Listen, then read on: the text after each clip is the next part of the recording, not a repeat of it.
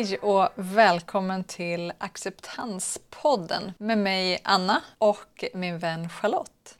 Idag så kommer vi prata om vad vi kan göra för att underlätta eh, för våra barn att komma tillbaka till skolan efter sommarlovet. Hur vi bygger upp ett skyddsnät för våra barn, en trygg miljö och skala bort den oro som de kan ha i sig. Och vi gör ju det här för att vi vill hjälpa dem att släppa på oron och när allting är tryggt och bra runt omkring dem så funkar allt så mycket bättre. Vi slipper utbrott och låsningar och det går mycket enklare för barnet och för oss och för hela familjen. Och ibland kan jag nästan bli lite chockad över hur bra det går vissa dagar när allting bara flyter på.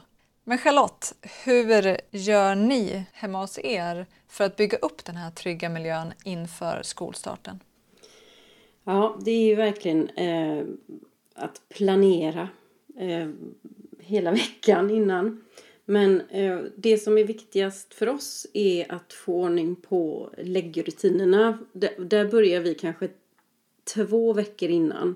Så att eh, första veckan får han lägga sig lite tidigare och sen andra veckan eh, lägger han sig ännu närmare tid. Men, men liksom så att när skolan börjar så är han redo att lägga sig på ordinarie tid.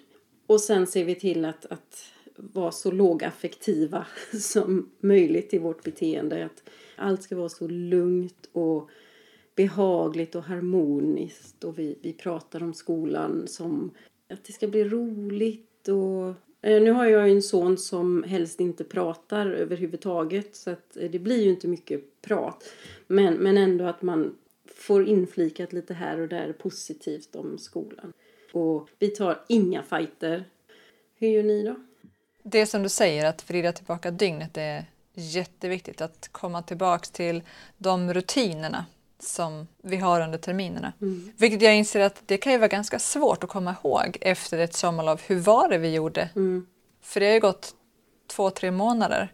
Hur ska jag komma ihåg vad vi hade för tider? Det här kan ju faktiskt vara någonting man kan göra när skolan är slut på våren. Att skriva ner ja, vilka tider man hade, vad var det för rutiner? Lite sent nu men... Eh. precis, men jag kom på det precis nu så man kan ju komma ihåg det till nästa lov. Mm. Men som du säger, inga onödiga fighter och planera in så man har bra matscheman och att maten är god, det de gillar. Och ju närmare man kommer, om man har en favoritmat så, så kan man använda sig av den. Mm. Mm. Men verkligen spara på deras energi så mycket som möjligt. Jag vet att du och jag vi har ju lite olika. Trots att min, min son är, stannar hemma och kan inte gå till skolan för att det är för jobbigt. En ofrivillig kämpare. Så längtar han ändå tills till skolan ska börja. Och sen går han en, två dagar och så skiter det sig.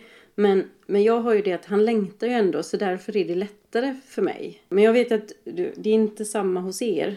Nej, precis. Det kanske finns någon form av längtan där också men där växer ju snarare... Det blir en svårighet att ta sig tillbaka till någonting som inte är rutin, som inte är en vana, som inte är att hit går jag varje dag och varje vecka.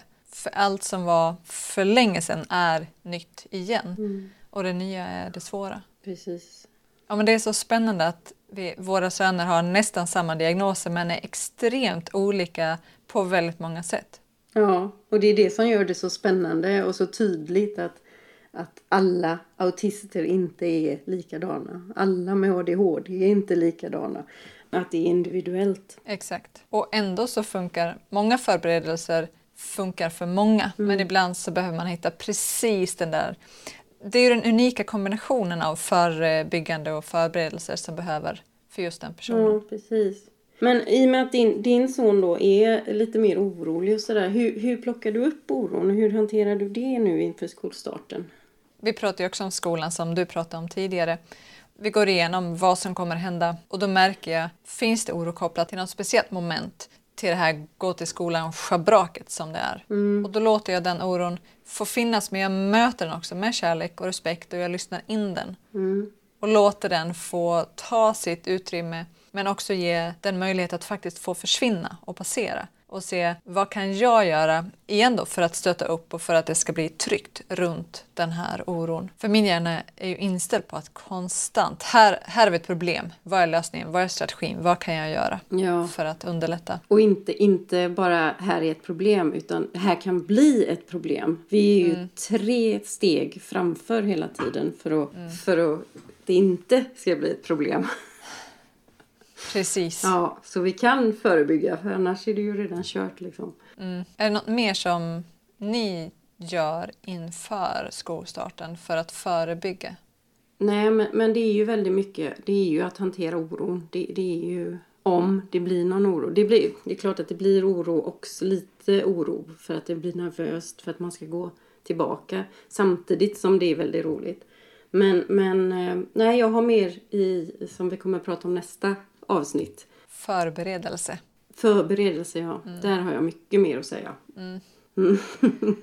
Det avsnittet ser jag väldigt mycket fram emot också. Ja. Det tror jag kommer bli längre än det här. Mm. Men har din son någon favoritmat? Det, det beror på vilken vecka det är. Ah, okej. Så att, så att eh, det, det är alltid ett ständigt pusslande med hans mat. Så det är inte så att, som du nämnde förut, att man kan ge speciell mat och så. Utan, eh, nej. Det, men visst, eh, det, kan bli, det kan bli McDonalds eh, fem dagar den veckan. Och då får det bli det för Precis. att underlätta. Men precis. Och det kan det vara. Man slänger in en extra glass eller en extra, vad det nu kan vara för Ja. någonting. Just för att även om det kanske inte alltid är den nyttigaste maten så ger det så pass mycket plus i andra änden. Så att det är värt det. Precis. Ja, för det är ju det allting handlar om. Att få vårt barn på plussidan. Mm. Verkligen. Ja, ta bort så mycket eh, minustecken som möjligt för dem så att de hamnar på plussidan. För att kunna gå in i skolan på, med ett positivt sinnelag. Det låter som en grym avslutning eller summering av det här med förebyggande. Att vi, vi ska få våra barn så mycket på plussidan som möjligt och skala av på minussidan. För att de ska klara av att gå till skolan. Mm. Och det är det det handlar om. För att de ska klara av att gå till skolan. Vi har ju pratat en del om det här med att förebygga vad vi kan göra inför skolstart. Och främst så har vi pratat om det här med rutiner och att det är väldigt viktigt för båda våra familjer och för våra barn. Och att vi också inte tar onödiga kanter. För det gäller att göra det så tryggt och så mjukt och gosigt. Så att vi inte tar onödiga Precis. kamper. Och det handlar om skippa allt som inte är livsviktigt.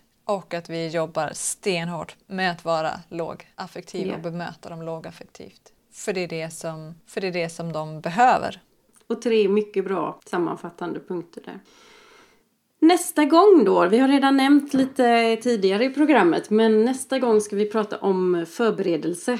Att förbereda barnet för skolstart.